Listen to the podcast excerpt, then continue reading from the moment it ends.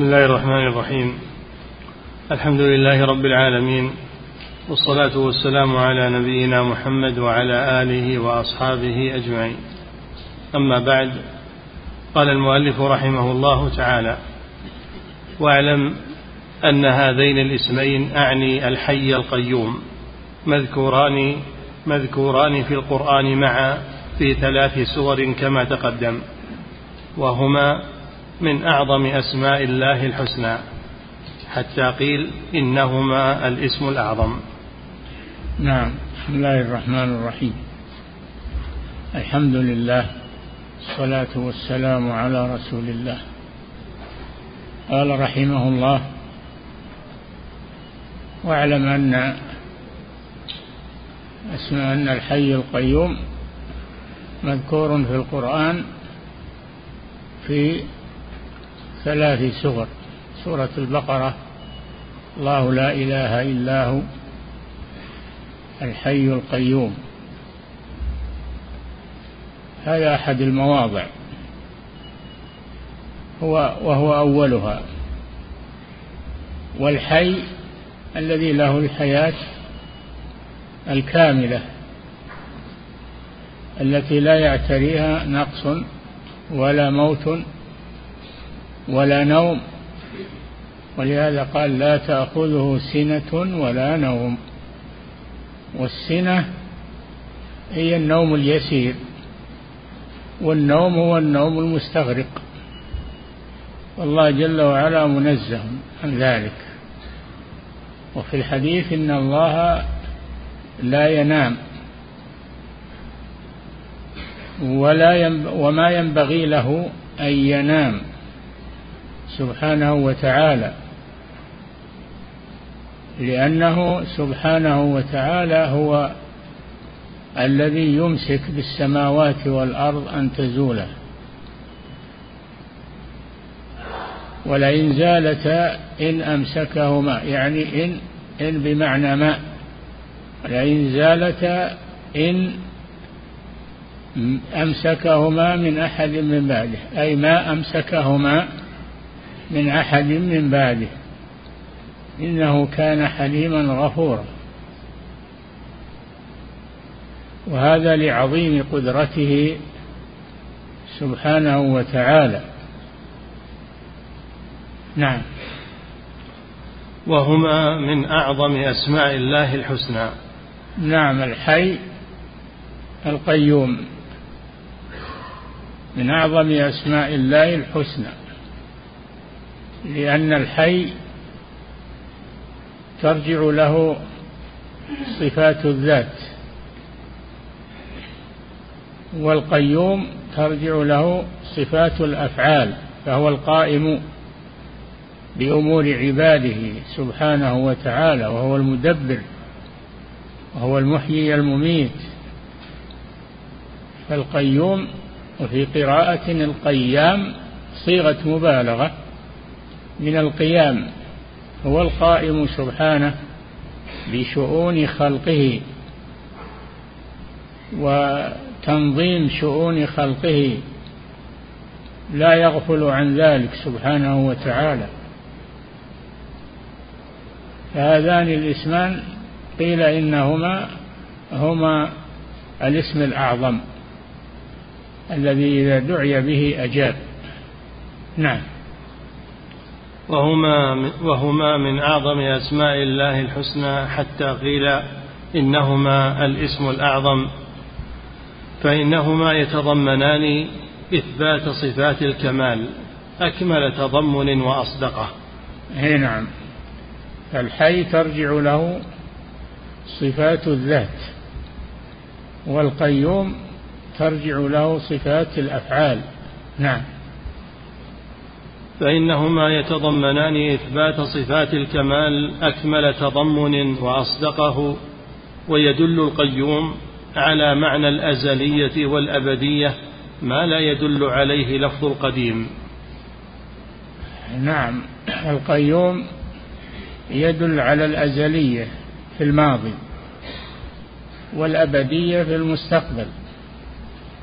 فالله لا بداية له ولا نهاية سبحانه وتعالى. هو الأول والآخر والظاهر والباطن. فهو سبحانه وتعالى الكامل في أسمائه وصفاته. نعم. ويدل أيضا على كونه موجودا بنفسه وهو موجودا بنفسه. لا أن أحدا أوجده تعالى الله عن ذلك بخلاف غيره فإنه موجود بغيره غيره أوجده. فما من موجود إلا وله موجد إلا الله سبحانه وتعالى فإنه قائم بنفسه. لا يحتاج إلى أحد وكل أحد محتاج إليه. سبحانه وتعالى. فلا بداية له ولا نهاية.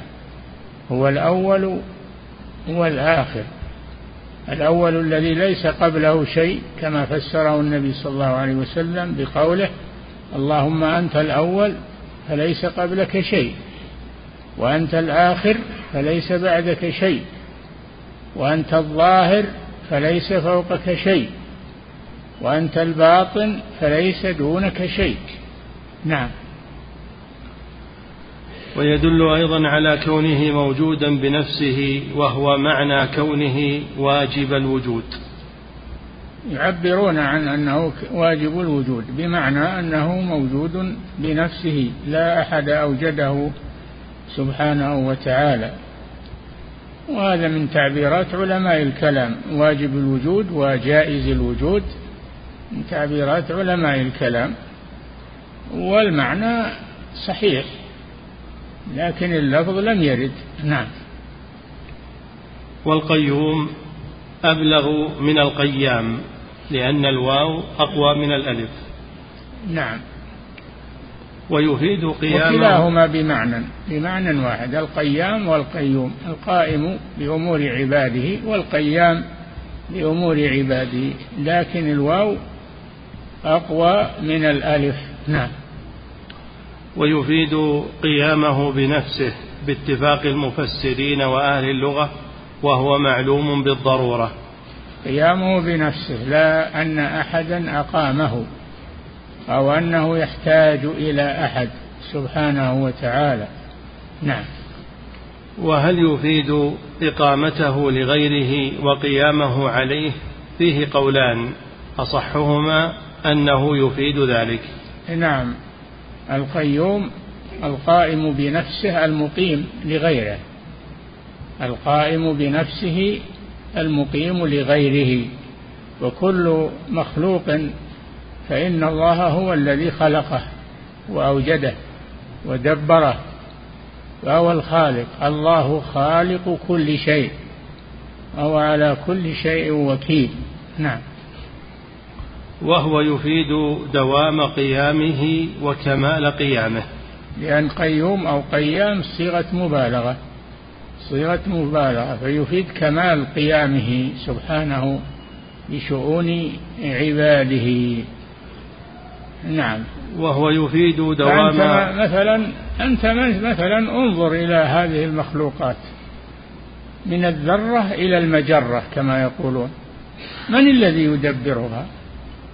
هو الله سبحانه وتعالى. هو الذي يدبر هذه الكائنات هو الذي يرزقها هو الذي يغذيها هو الذي يحييها ويميتها فهو المدبر سبحانه وتعالى. لا أحد يدبر معه. لو كان فيهما آلهة إلا الله لفسدتا. سبحان الله رب العرش عما يصفون. نعم. وهو يفيد دوام قيامه وكمال قيامه. نعم دوامه وكماله. نعم. لما فيه من المبالغة فهو سبحانه وتعالى لا يزول ولا يأفل فهو سبحانه. فهو سبحانه وتعالى لا يزول ولا يأفل. ولا يأفل. نعم. من الوفول يعني من الوفول وهو آه، الغياب. لا يغيب عن خلقه سبحانه وتعالى. ولهذا لما ناظر إبراهيم عليه الصلاة والسلام قومه لما رأى كوكبا قال هذا ربي. يعني بزعمكم لأنهم يعبدون الكواكب هم فهو يحاجهم بلغتهم وما يعرفون. قال هذا ربي. فلما أفل يعني غاب انتقل وغاب قال لا أحب الآفلين الله لا يغيب عن مخلوقاته وعن ملكوته سبحانه وتعالى. قال لا أحب الآفلين. فلما رأى الشمس بازغة قال فلما رأى القمر نعم بازغا قال هذا ربي.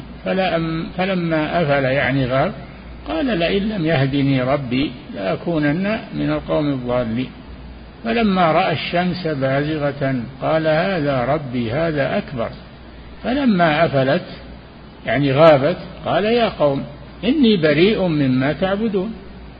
يعني لأنهم يعبدون الكواكب. إني وجهت وجهي للذي فطر السماوات والأرض حنيفا وما أنا من المشركين. نعم. فهو سبحانه وتعالى لا يزول ولا يأفل. فإن الآفل قد زال قطعا أي لا يغيب. نعم. ولا لا, ينقص. لا يغيب عن خلقه سبحانه وتعالى. نعم. أي لا يغيب ولا ينقص ولا يفنى ولا يعدم بل هو الدائم الباقي الذي لم يزل ولا يزال موصوفا بصفات الكمال. نعم. هو الأول هو الآخر. نعم. واقترانه بالحي. يستلزم سائر صفات الكمال. نعم الحي ويدل الحي الصفات الذاتية والقيوم الصفات الفعلية. نعم. واقترانه بالحي يستلزم سائر صفات الكمال ويدل على بقائها ودوامها وانتفاء النقص والعدم عنها ازلا وابدا. الحي الذي له الحياة الكاملة. الذي التي لا يعتريها موت ولا نوم ولا غفلة. نعم. ولهذا كان قوله الله لا إله إلا هو الحي القيوم أعظم آية في القرآن كما ثبت ذلك في الصحيح عن النبي صلى الله عليه وسلم. أعظم آية في القرآن هي آية الكرسي. لأن فيها الله لا إله إلا هو الحي القيوم إلى اخرها صفات الكمال. ففيها نفي وإثبات. أثبت لنفسه صفات الكمال ونفى عن نفسه صفات النقص والعجز. فهي أعظم آية في كتاب الله عز وجل. ولهذا سأل رسول الله صلى الله عليه وسلم أبي بن كعب. قال يا أبي أتدري أي آية مع أي آية في كتاب الله أعظم؟ قال الله ورسوله أعلم. قال الله لا إله إلا هو الحي القيوم. هذه أعظم آية في كتاب الله عز وجل. وأعظم سورة في كتاب الله سورة الإخلاص. قل هو الله أحد. إلى آخرها. نعم. فعلى هذين الاسمين مدار الأسماء الحسنى كلها. نعم فالحي تدور عليه آه، أسماء أسماء الأفعال أسماء الذات. تدل عليه صفات الذات الحي. والقيوم تدور عليه صفات الأفعال. القائم بنفسه المقيم لغيره. الرازق المدبر كل هذا يرجع للقيوم. نعم. فعلى هذين الاسمين مدار الأسماء الحسنى كلها وإليهما يرجع معانيها. فإن الحياة وعليهما وإليهما يرجع معانيها. يرجع أو ترجع. وإليهما ترجع معانيها. إيش اللي عندك. يرجع بالياء. يرجع. لا بأس. طيب. نعم. فإن الحياة مستلزمة لجميع صفات الكمال. نعم. فلا يتخلف عنها صفة منها إلا لضعف الحياة. فإذا كانت حياته تعالى أكمل حياة وأتمها استلزم إثباتها إثبات الصفات إثبات كل كمال يضاد نفيه كمال الحياة. نعم. وأما القيوم فهو متضمن كمال غناه وكمال قدرته فإنه القائم بنفسه فلا يحتاج إلى غيره بوجه من الوجوه المقيم لغيره فلا قيام لغيره إلا بإقامته. فانتظم هذان الإسمان صفات الكمال أتم انتظام. ولهذا قيل إنهما هما, هما الاسم الأعظم. نعم. قول, قول المصنف رحمه الله خالق بلا حاجة رازق بلا مؤونة. نعم. قال تعالى وما خلقت الجن والإنس إلا ليعبدون ما أريد منهم من رزق وما أريد أن يطعمون. إن الله هو الرزاق ذو القوة المتين. وما خلقت الجن والإنس إلا ليعبدون. ما خلقهما ليستعين بهما أو لينفعوه سبحانه وتعالى. وإنما خلقهم لعبادته وعبادته ترجع مصلحتها إليهم. أما الله فإنه غني عن عبادتهم غني عن كل شيء. إن تكفروا أنتم ومن في الأرض جميعا فإن الله لغني حميد سبحانه وتعالى. فلا تنفعه طاعة المطيعين ولا تضره معصية العاصين وإنما نفع ذلك أو ضرره يعود إلى العباد. نعم.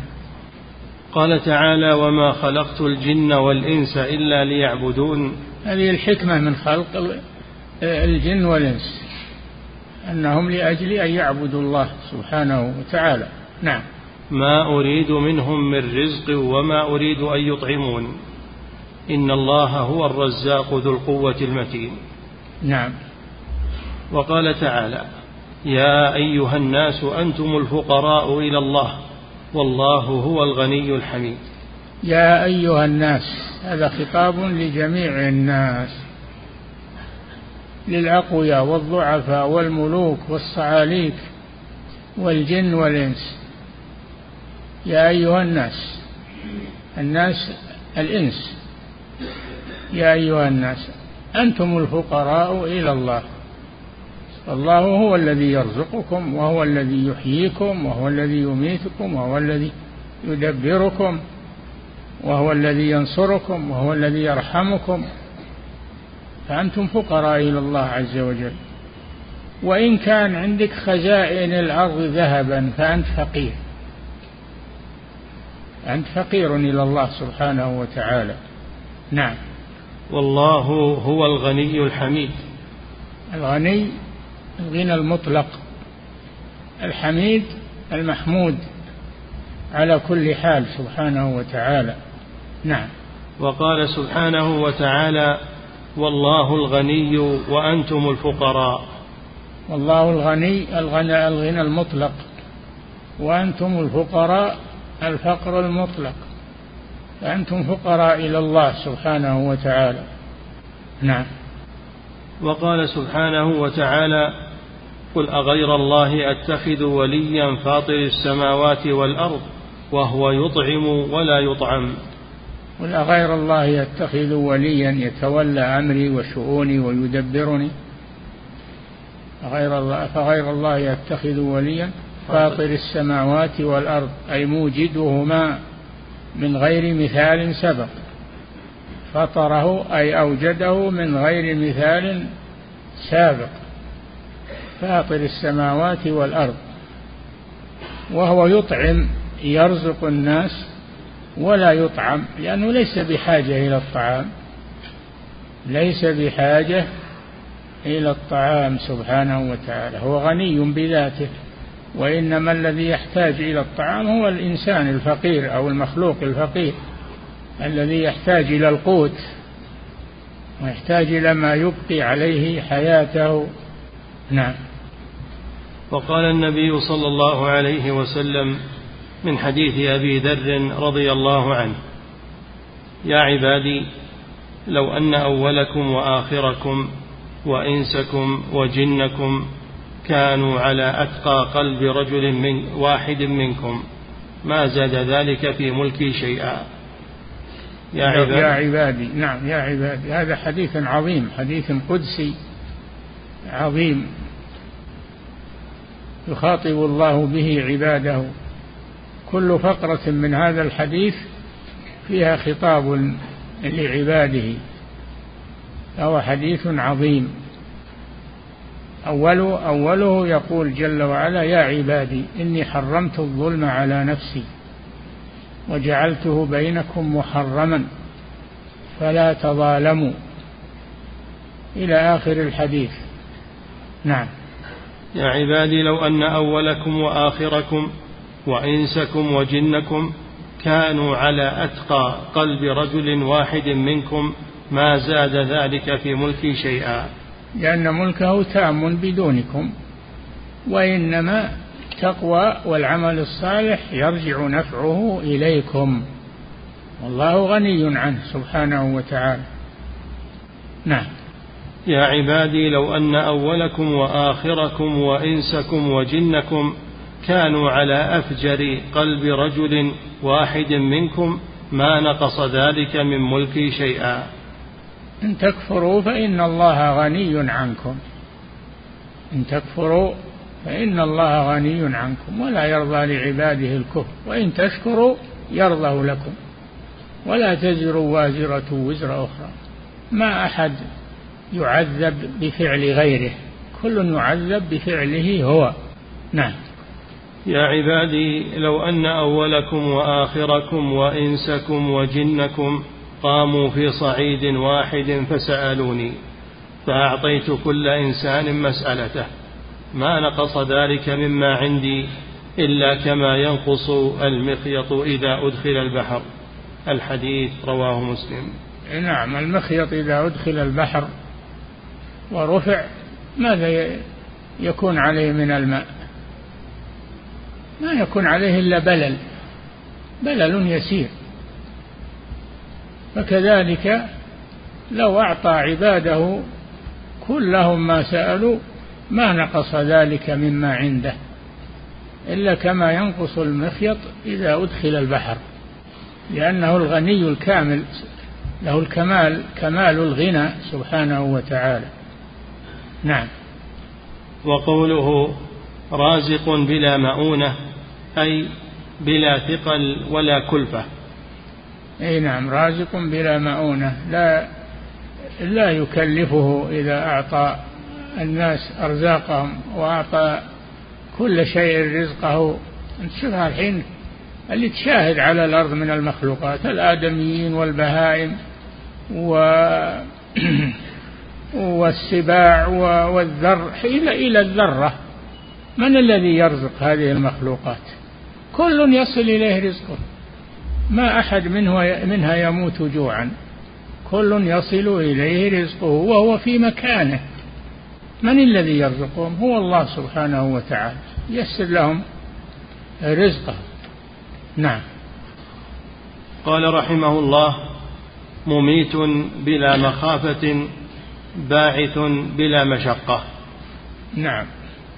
الموت صفة وجودية.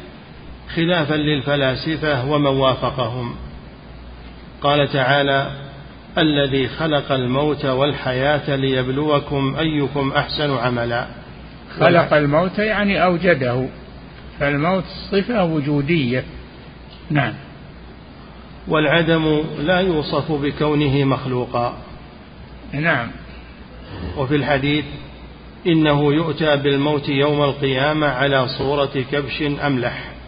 فيذبح بين الجنة والنار. وهو إذا أدخل أهل الجنة الجنة وأدخل أهل النار النار وانتهى فصل القضاء بينهم يؤتى بالموت. على صورة كبش فيذبح وهم ينظرون إليه.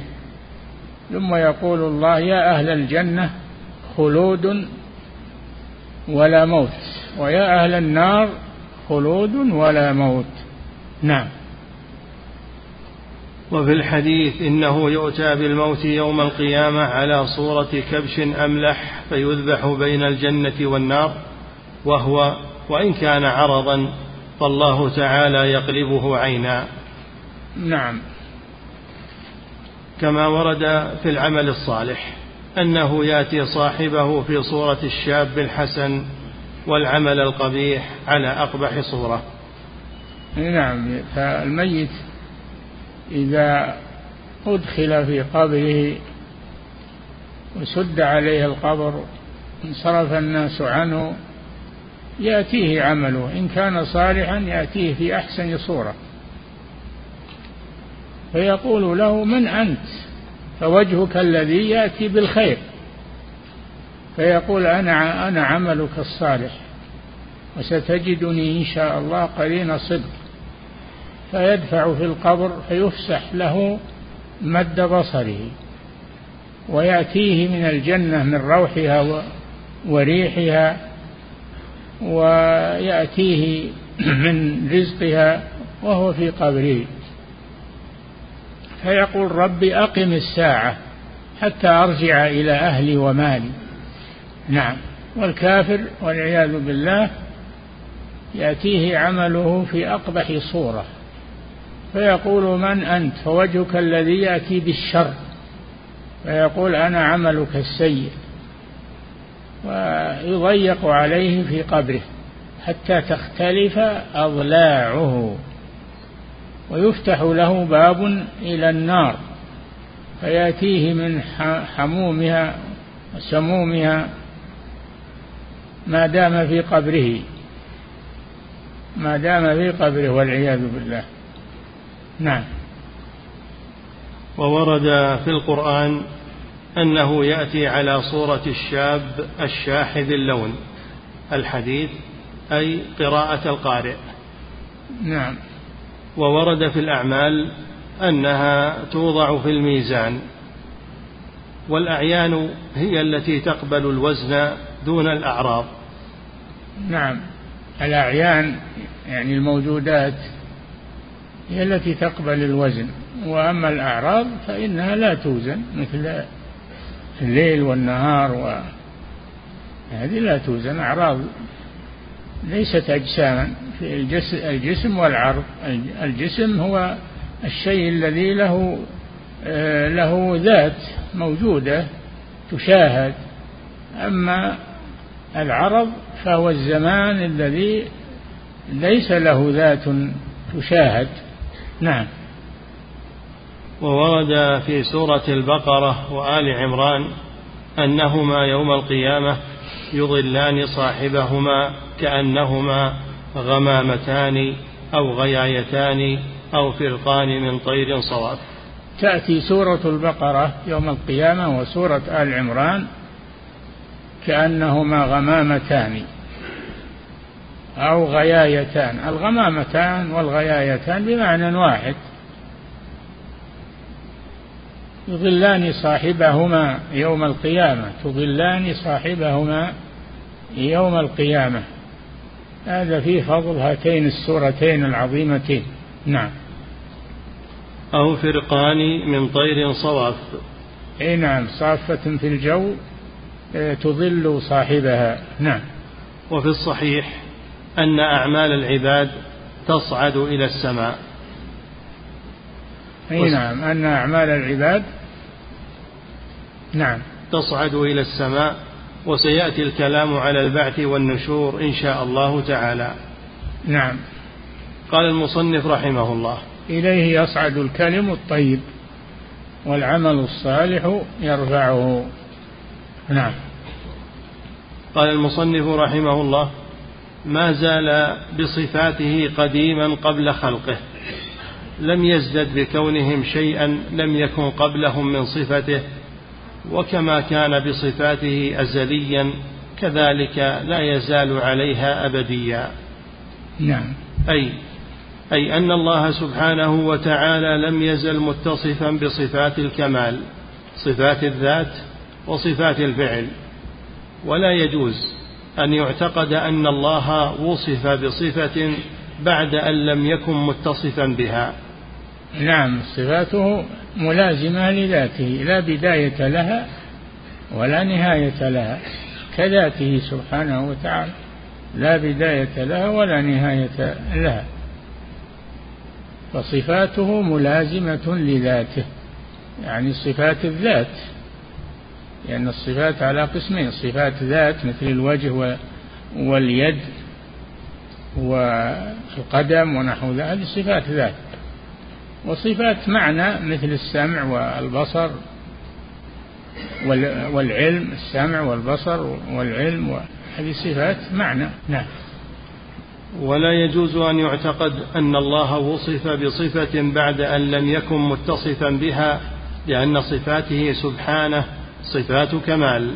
أي نعم لا, لا بداية لها ولا نهاية لها كما أنه سبحانه لا بداية له ولا نهاية فهو أزلي بصفاته أبدي بصفاته سبحانه وتعالى. نعم.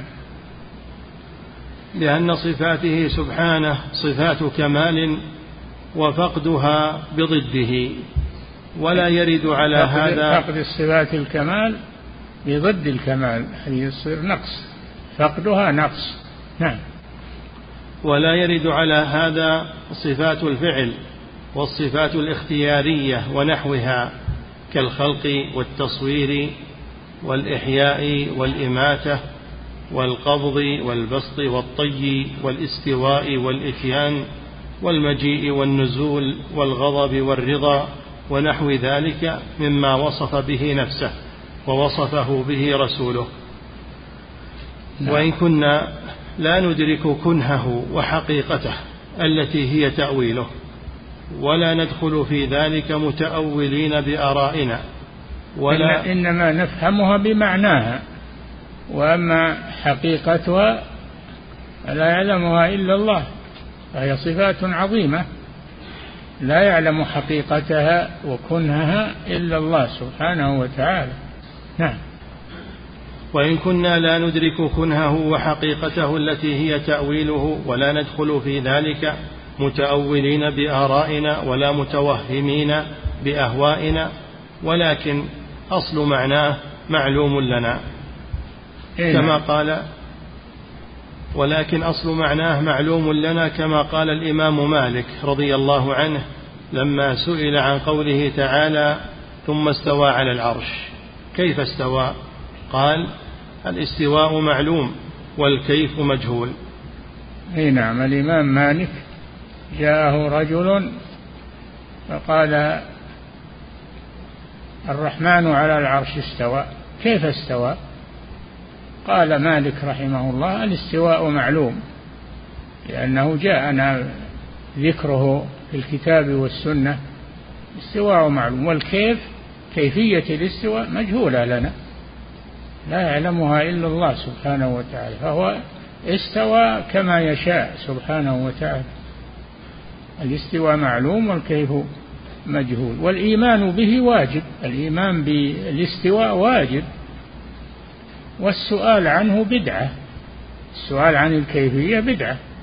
السؤال عنه الإيمان به واجب والسؤال عنه أي عن الكيفية بدعة. وما أراك إلا رجل سوء فأمر به فأخرج من مجلسه. نعم. وإن كانت هذه الأحوال تحدث في وقت دون وقت كما في حديث الشفاعة إن ربي قد غضب اليوم غضبا لم يغضب قبله مثله ولن يغضب بعده مثله. وهذه الصفات لا شك أنها توجد في كل وقت وتتجدد في كل وقت ولا يعلم ذلك إلا الله سبحانه وتعالى. نعم. لأن هذا الحدوث بهذا الاعتبار غير ممتنع ولا يطلق عليه أنه حدث بعد أن لم يكن. ألا ترى أن من تكلم اليوم وكان متكلما بالأمس لا يقال إنه حدث له الكلام. ولو كان غير متكلم لآفة كالصغر والخرس ثم تكلم يقال له حدث له الكلام. فالساكت لغير آفة يسمى متكلما بالقوة بمعنى أنه يتكلم إذا شاء. نعم. وفي حال تكلمه يسمى متكلما بالفعل.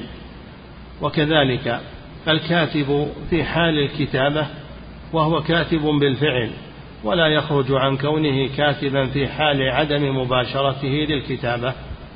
نعم فهو كاتب سواء كتب أو لم يكتب. هو كاتب يوصف بأنه كاتب. نعم. هذا في المخلوق. ففي الخالق من باب أولى. نعم. وحلول الحوادث بالرب تعالى المنفي في علم الكلام المذموم لم يرد نفيه ولا إثباته في كتاب ولا سنة. نعم ما يقال إنه إذا وصف بأنه يتكلم إذا شاء أنها تحل به الحوادث. لأن الكلام حدث بعد أن لم يكن فيكون تحله الحوادث سبحانه وتعالى. هذا كلام باطل ولا ندخل فيه. نعم. لم يرد نفيه ولا إثباته في كتاب ولا سنة وفيه إجمال. فإن أريد أنه سبحانه لا يحل في ذاته المقدسة شيء من مخلوقاته المحدثة أو لا يحدث له وصف متجدد لم يكن فهذا نفي صحيح.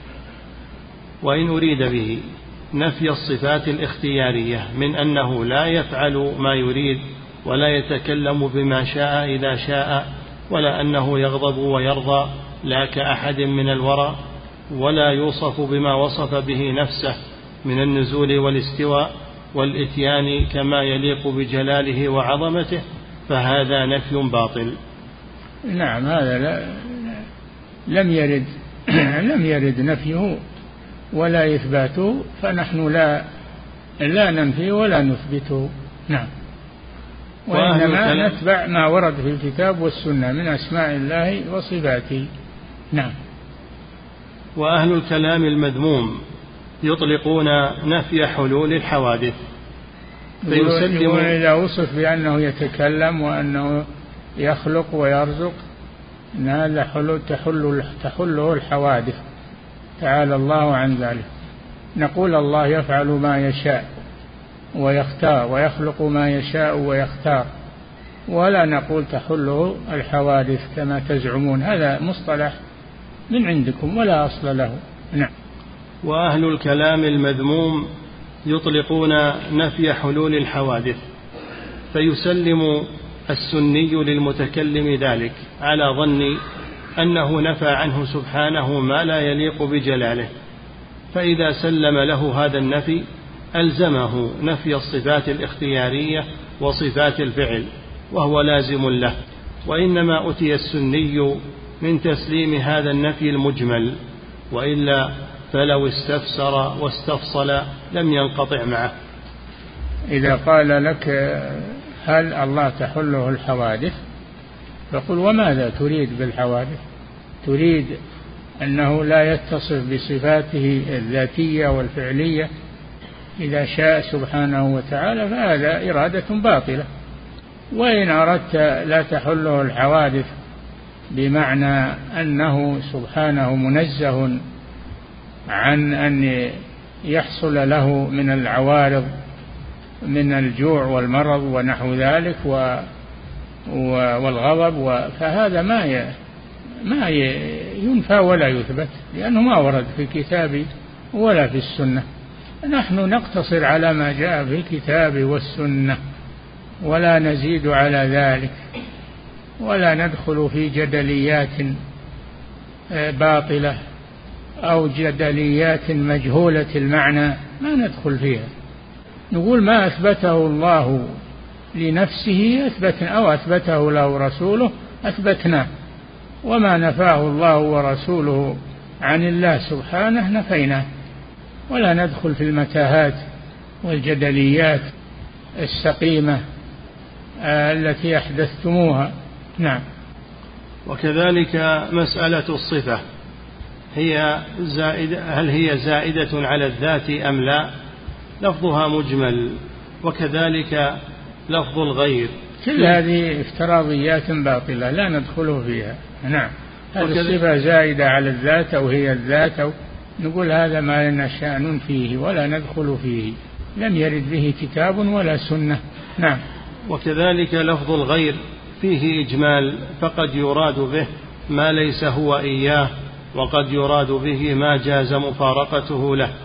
ولهذا كان أئمة السنة رحمهم الله تعالى لا يطلقون على صفات الله وكلامه أنه غيره ولا أنه ليس غيره لأن إطلاق الإثبات قد يشعر أن ذلك مباين له وإطلاق النفي قد يشعر بأنه هو هو.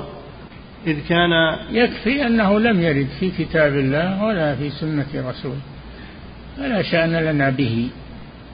الله أعلم بنفسه وأعلم بغيره. ولا أحد من الخلق أعلم بالله من رسول الله صلى الله عليه وسلم. فنحن نقتفي ما جاء في الكتاب والسنة ولا ندخل في افتراضيات أو جدليات لا دليل عليها. نعم. إذ كان لفظ الغير فيه إجمال فلا يطلق إلا مع البيان والتفصيل فإن أريد به أن هناك ذاتا مجردة قائمة بنفسها منفصلة عن الصفات الزائدة عليها فهذا غير صحيح. وإن أريد به الصفات زائدة على الذات التي يفهم من معناها غير ما يفهم من معنى الصفة فهذا حق. ولكن ليس في الخارج ذات مجردة عن الصفات. نعم.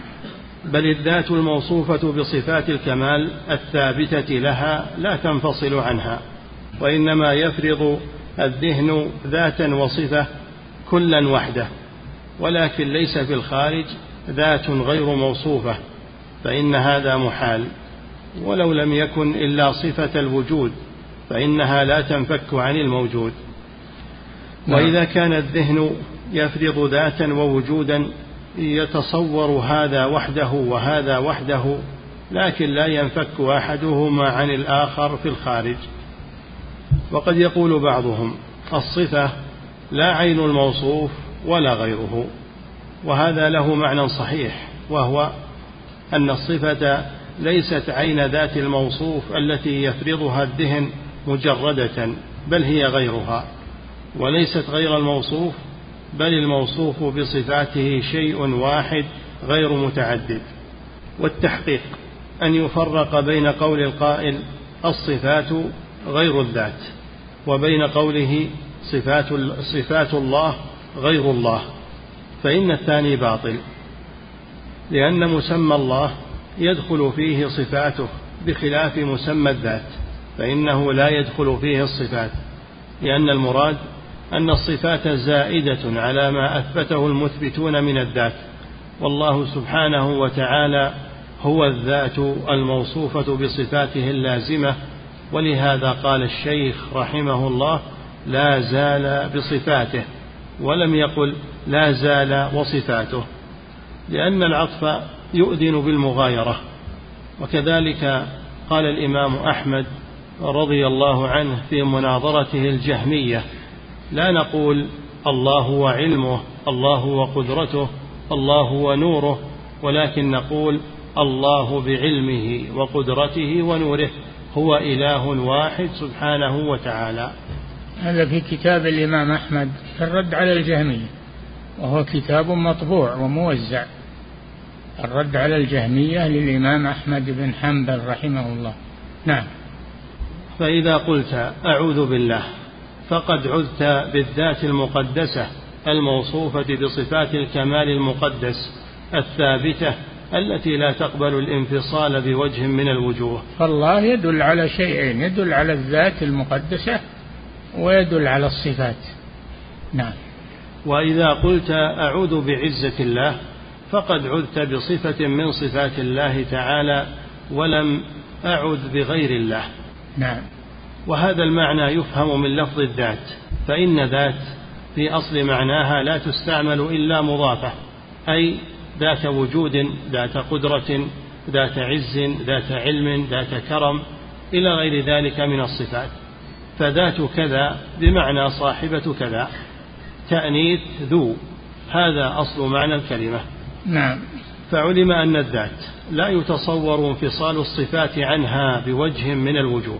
وإن كان الذهن قد يفرض ذاتا مجردة عن الصفات كما يفرض المحال.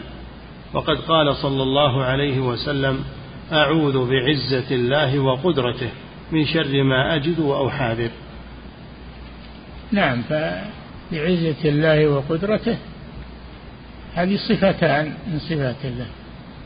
هو ما يستعيذ بالصفة وحدها وإنما يستعيذ بالصفة والموصوف معا يستعيذ بالصفة وبالموصوف معا نعم. وقال صلى الله عليه وسلم أعوذ بكلمات الله التامات من شر ما خلق. نعم. ولا يعوذ صلى الله عليه وسلم بغير الله. نعم لأن كلمات الله من صفات الله عز وجل. فإذا استعذت بصفة من صفات الله فقد استعذت بالله عز وجل. استعذت بالموصوف. نعم. وكذا قال صلى الله عليه وسلم اللهم إني أعوذ برضاك من سخطك وبمعافاتك من عقوبتك وأعوذ بك منك. نعم. وقال صلى الله عليه وسلم ونعوذ بعظمتك أن نغتال من تحتنا. وقال صلى الله عليه وسلم أعوذ بنور وجهك الذي أشرقت له الظلمات. نعم. وكذلك قولهم الاسم عين المسمى أو غيره. وطالما غلط كثير من الناس في ذلك وجهلوا الصواب فيه فالاسم يراد به المسمى تارة. الاسم هو المسمى في الخارج وأما في الذهن فالاسم شيء والمسمى شيء. هذا بالتصور في في الذهن لكن في الخارج لا. الصفة والموصوف شيء واحد. لا تنفك الصفة عن الموصوف والموصوف لا ينفك عن الصفة نعم. فالاسم يراد به المسمى تارة ويراد به اللفظ الدال عليه أخرى. فإذا قلت قال الله كذا أو سمع الله لمن حمده ونحو ذلك فهذا المراد به المسمى نفسه. وإذا قلت الله اسم عربي. والرحمن اسم عربي والرحمن من أسماء الله تعالى ونحو ذلك فالاسم ها هنا للمسمى ولا يقال غيره لما في لفظ الغير من الإجمال.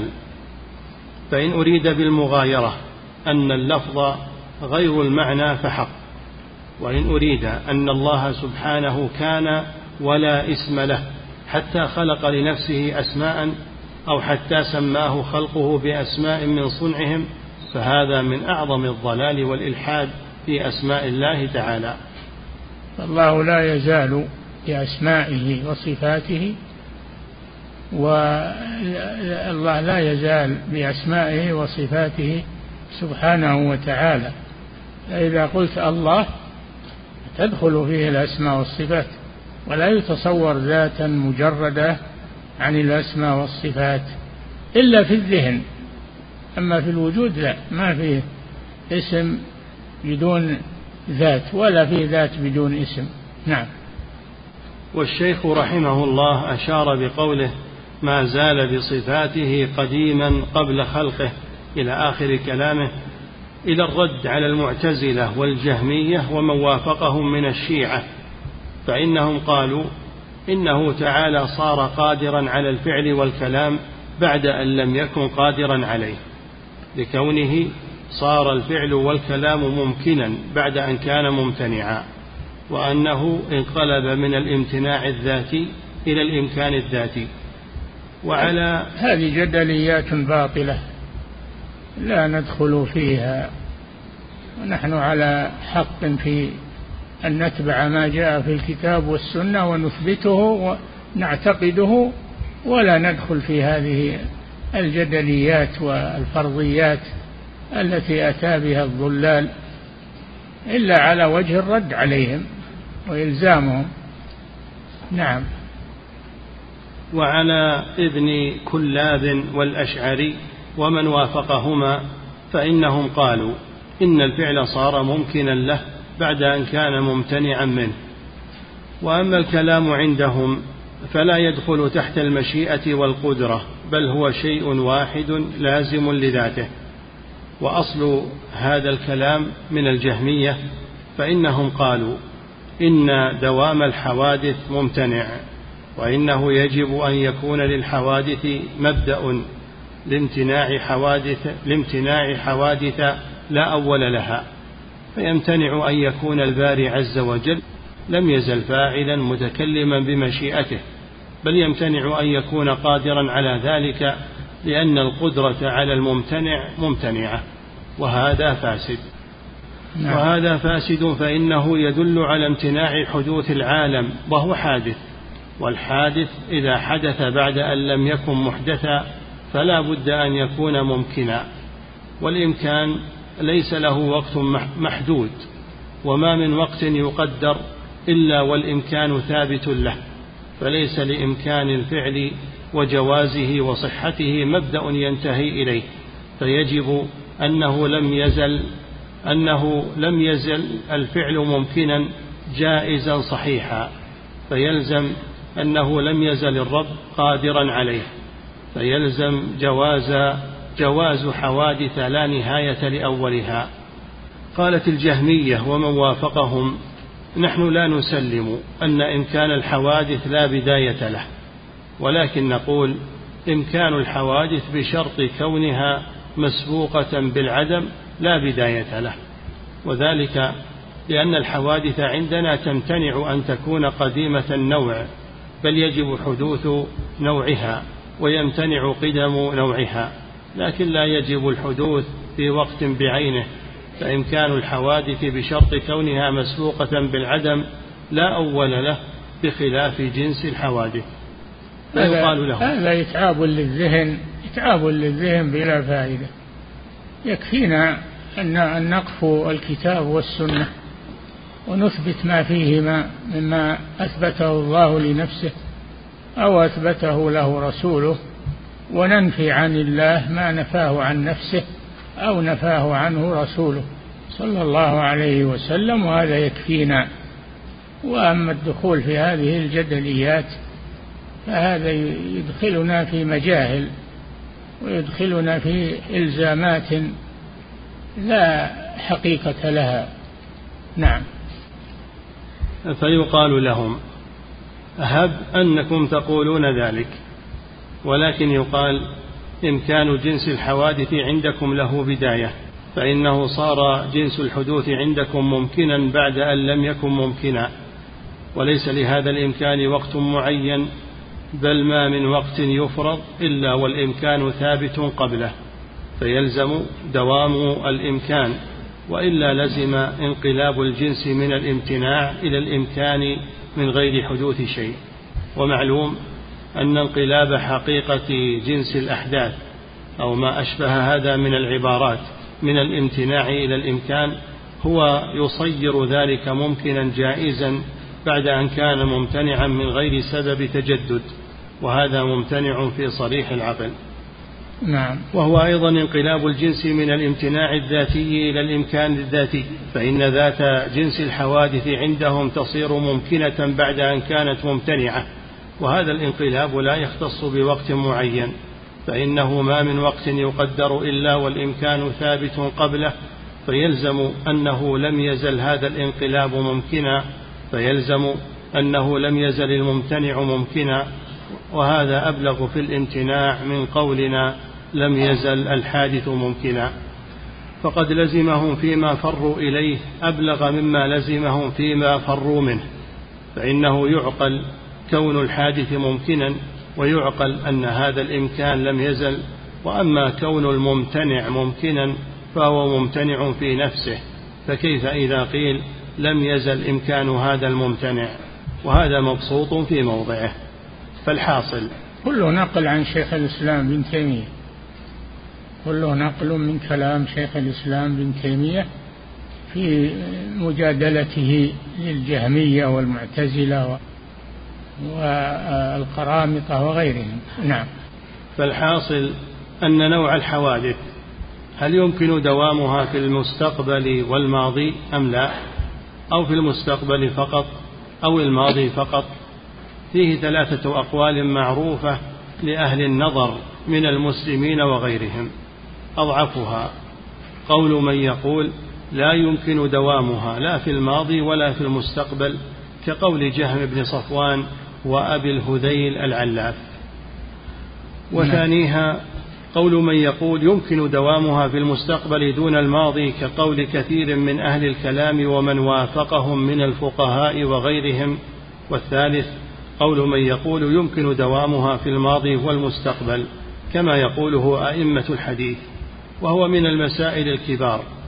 ولم يقل أحد يمكن دوامها في الماضي دون المستقبل.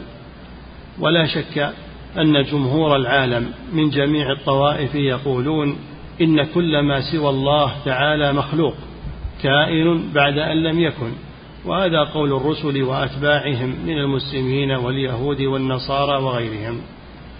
ومن المعلوم بالفطرة أن كون المفعول مقارنا لفاعله لم يزل ولا يزال معه ممتنع محال. ولما, ولما كان تسلسل الحوادث في المستقبل لا يمنع أن يكون الرب سبحانه هو الآخر الذي ليس بعده شيء. فكذا تسلسل الحوادث في الماضي. لا يمنع أن يكون سبحانه وتعالى هو الأول الذي ليس قبله شيء. نعم. فإن الرب سبحانه وتعالى لم يزل ولا يزال يفعل ما يشاء ويتكلم إذا يشاء. قال سبحانه وتعالى قال كذلك الله يفعل ما يشاء. وقال تعالى ولكن الله يفعل ما يريد. وقال تعالى ذو العرش المجيد فعال لما يريد. وقال نعم. سبحانه ولو أن ما في الأرض من شجرة أقلام والبحر يمده من بعده سبعة أبحر ما نفدت كلمات الله. كلمات الله التي يأمر بها وينهى ويخلق ويرزق ما لها حد. كلمات الله ما لها حد. وهي الأوامر والنواهي والخلق والرزق والله لا يزال يأمر وينهى. يأمر خلقه وينهى عن أشياء. ما يقال أنه أمر ونهى وخلاص انتهى. لا لا يزال سبحانه وتعالى كذلك. كل يوم هو في شأن. نعم. وقال تعالى قل لو كان البحر مدادا لكلمات ربي لنفد البحر قبل أن تنفد كلمات ربي المداد المداد هو الحبر. ولو أن ما في الأرض من شجرة أقلام والبحر يمده من بعده سبعة أبحر ما نفدت كلمات الله. التي يأمر بها وينهى بها. الله ما يزال يأمر وينهى ويتكلم سبحانه وتعالى ولا يحصى كلامه في خلقه. الخلق هذا كله يدبره الله. يدبره بأي شيء؟ بكلامه سبحانه. عطاؤه كلام وأخذه كلام وخلقه كلام. إنما أمره إذا أراد شيئا أن يقول له كن فيكون. نعم.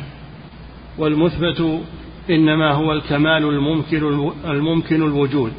وحينئذ فإذا كان النوع دائما فالممكن والأكمل هو التقدم على كل فرد من الأفراد. بحيث لا يكون في أجزاء العالم شيء يقارنه بوجه من الوجوه. وأما دوام الفعل فهو أيضا من الكمال فإن الفعل إذا كان صفة كمال فدوامه دوام الكمال. قالوا والتسلسل لفظ مجمل لم يرد بنفيه ولا إثباته كتاب ولا سنة ليجب مراعاة لفظه وهو ينقسم إلى واجب وممتنع وممكن وكالتسلسل في المؤثرين محال ممتنع لذاته وهو أن يكون مؤثرون وهو أن يكون مؤثرون كل واحد منهم استفاد تأثيره ممن قبله لا إلى غاية. والتسلسل الواجب ما دل عليه العقل والشرع من دوام أفعال الرب تعالى في الأبد وأنه كل من قضى لأهل الجنة نعيم أحدث لهم نعيما آخر لا نفاد له.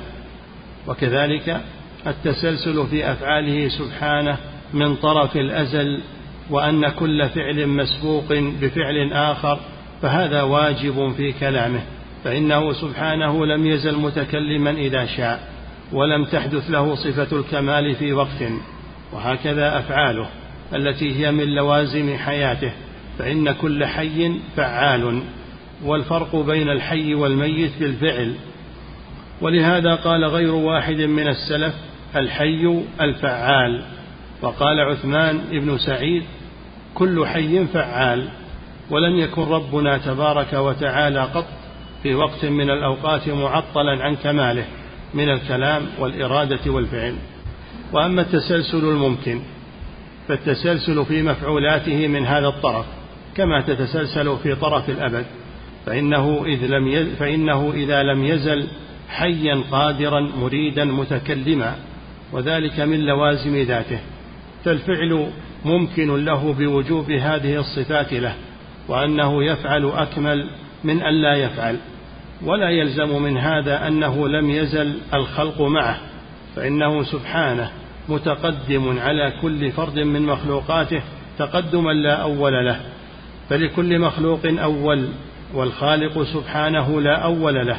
فهو وحده الخالق وكل ما سواه مخلوق كائن بعد أن لم يكن. قالوا وكل قول سوى هذا فصريح العقل يرده ويقضي ببطلانه. وكل من اعترف بأن الرب تبارك وتعالى لم يزل قادرا على الفعل لزمه أحد أمرين لا بد له منهما. إما أن يقول بأن الفعل لم يزل ممكنا وإما أن يقول لم يزل واقعا وإلا تناقض تناقضا بينا حيث زعم أن الرب تبارك وتعالى لم يزل قادرا على الفعل والفعل محال ممتنع لذاته لو أراده لم يمكن وجوده بل فرض إرادته عنده محال وهو مقدور له وهذا قول ينقض بعضه بعضا.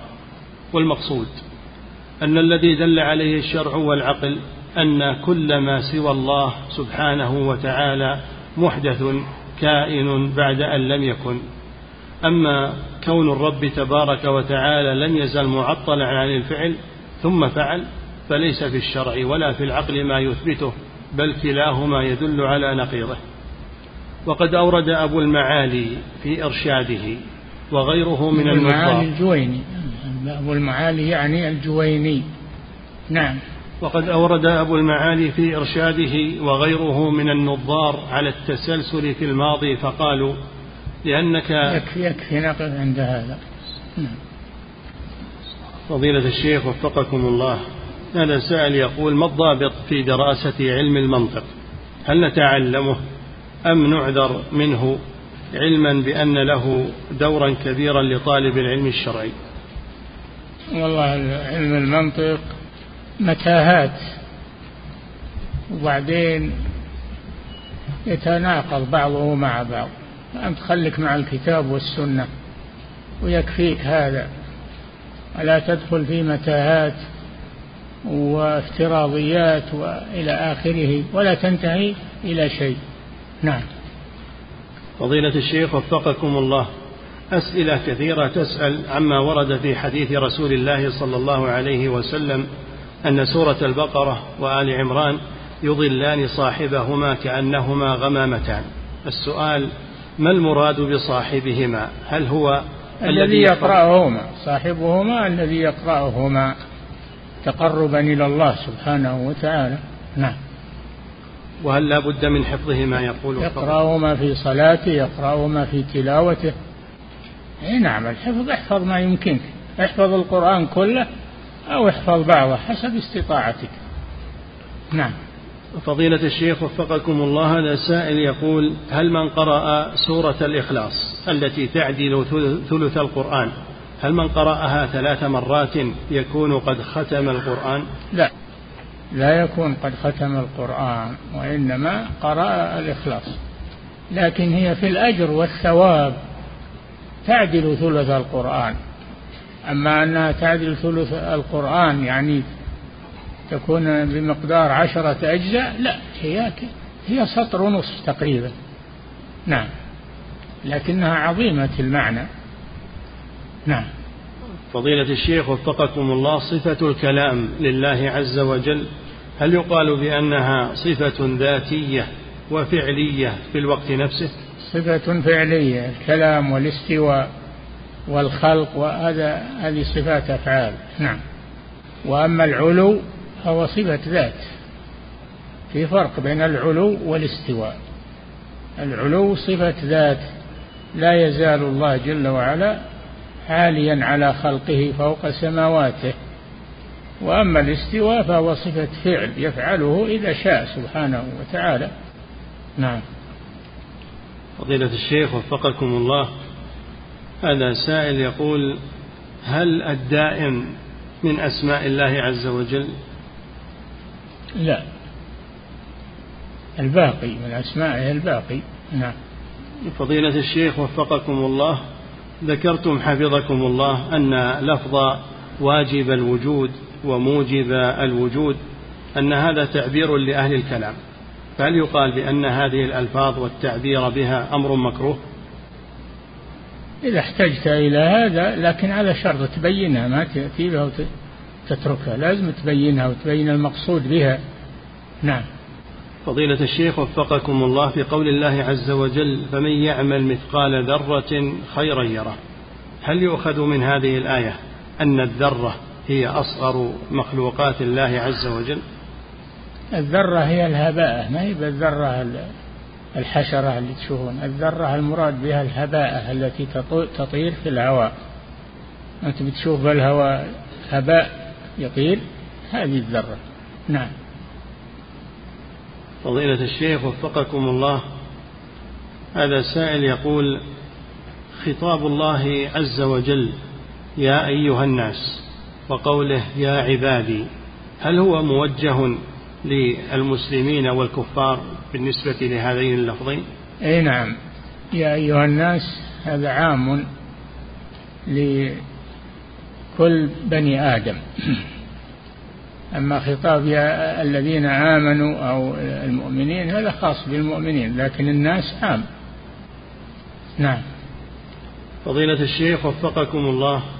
ولهذا قال في أول نداء في سورة البقرة يا أيها الناس اعبدوا ربكم الذي خلقكم والذين من قبلكم لعلكم تتقون الذي جعل لكم الأرض قرارا والسماء بناء وأنزل من السماء ماء فأخرج به من الثمرات رزقا لكم فلا تجعلوا لله أندادا وأنتم تعلمون تعلمون أنه لا ند له ولا شريك له في هذه الأمور. نعم. فضيلة الشيخ وفقكم الله هذا السائل يقول هل يوجد فرق بين صفات الفعل أو الصفات الفعلية والصفات الاختيارية؟ الصفات الاختيارية؟ نعم. الله جل وعلا ما يوصف بالصفات الاختيارية ما يوصف بهذا الله. هذا بالنسبة لغير الله عز وجل. اختيارية التي يفعلها باختياره يفعلها باختياره أو يتركها باختياره. نعم. فضيلة الشيخ وفقكم الله هذا سائل يقول ما مدى حدود الكلام في الصفات في الأسماء والصفات لطالب العلم؟ أن يثبت ما أثبته الله لنفسه وأن ينفي ما نفاه الله عن نفسه. يثبت ما أثبته لنفسه من صفات الكمال ونعوت الجلال وينفي عن الله ما نفاه عن نفسه من النقائص والعيوب. آية الكرسي تشتمل على هذا فيها نفي وإثبات. إثبات للكمال لله ونفي النقص عن الله سبحانه وتعالى. نعم. فضيلة الشيخ وفقكم الله هذا سائل يقول هل الميزان يوم القيامة هو ميزان فعلي؟ أو هو معنوي؟ وهل الأعمال توزن بهذا الميزان؟ اللي يقولون أنه ميزان معنوي هم المعتزلة. أما أهل السنة والجماعة فيقولون إنه ميزان حقيقي له كفتان توضع الأعمال فيه أعمال توضع الأعمال الصالحة في كفة والأعمال السيئة في كفة. فمن ثقلت موازينه فأولئك هم المفلحون. من خفت موازينه فأولئك الذين خسروا أنفسهم في جهنم خالدون. نعم. فضيلة الشيخ وفقكم الله. هذا سائل يقول هل ورد أن أحدا ينجو من ضمة القبر؟ وهل هي تختلف من شخص إلى آخر؟ ما أحد ينجو منها. ضمة القبر لكل ميت. ولكن المؤمن يفرج عنه والكافر والعياذ بالله يضيق عليه قبره حتى تختلف أضلاعه. أما المؤمن يضمه القبر أول ما هو ثم يفرج عنه. ولهذا لما دفنوا سعد بن معاذ رضي الله عنه قال صلى الله عليه وسلم لو كان أحد ينجو من ضمة القبر لنجا منها سعد بن معاذ. نعم. فضيلة الشيخ وفقكم الله هذا سائل يقول هل الخوف الكثير من عذاب القبر يعتبر يأسا من رحمة الله عز وجل؟